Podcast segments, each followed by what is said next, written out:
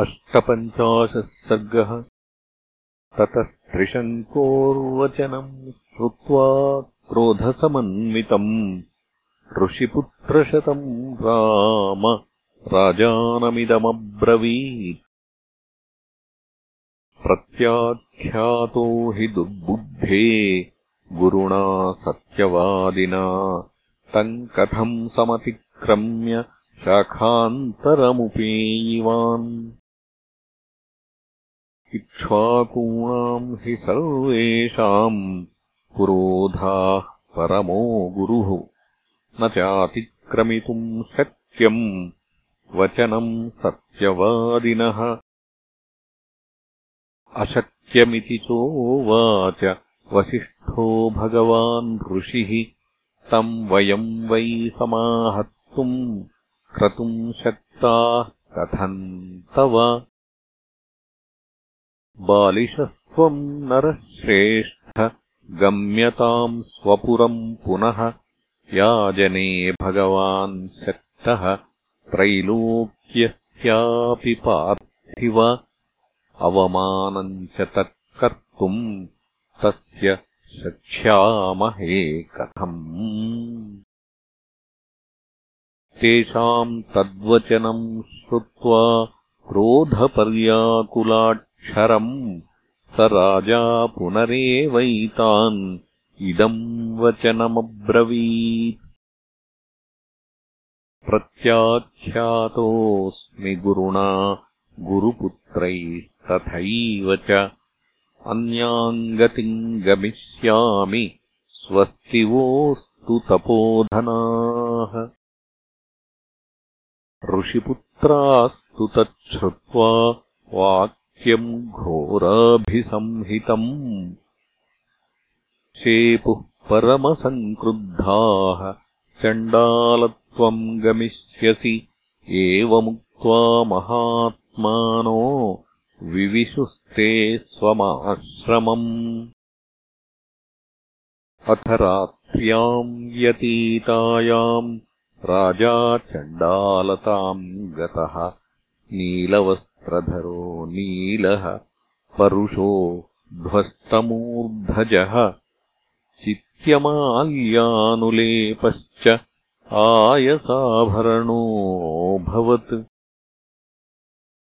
तम् दृष्ट्वा मन्त्रिणः सर्वे त्यज्य चण्डालरूपिणम् प्राद्रवन् सहिता राम पौराये नुगामिनः एको हि राजा काकुत्थ जगामपरमात्मवान् दह्यमानो दिवारात्रम् विश्वामित्रम् तपोधनम्।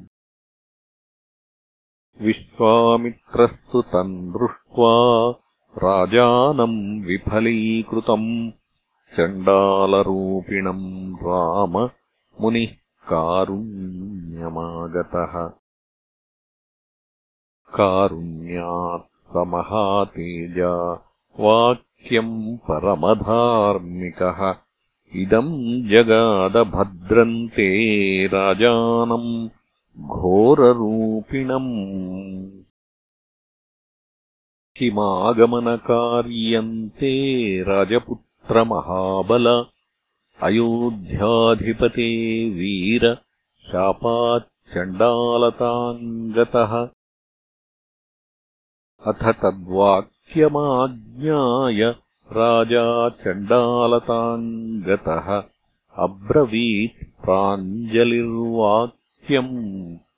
वाक्यज्ञो वाक्यकोविदम् प्रत्याख्यातोऽस्मि गुरुणा गुरुपुत्रैस्तथैव च। अनवाप्यैव तम् कामम् मया प्राप्तो विपर्ययः। सशरीरो दिवम् यायाम् इति मे सौम्यदर्शनम्। मया चेष्टम् क्रतुशतम् तच्च नावाप् प्यते फलम्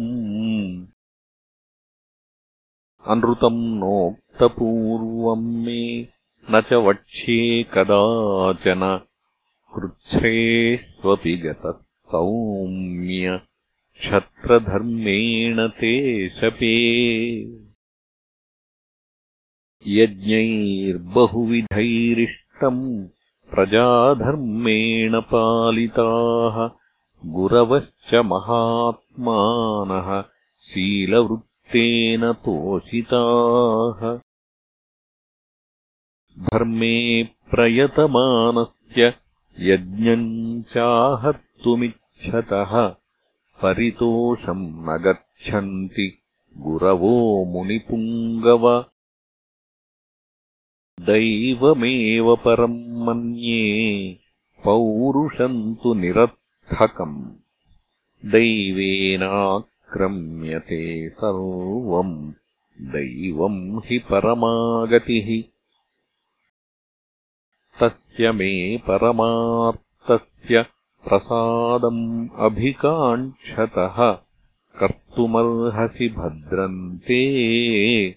दैवोपहतकर्मणः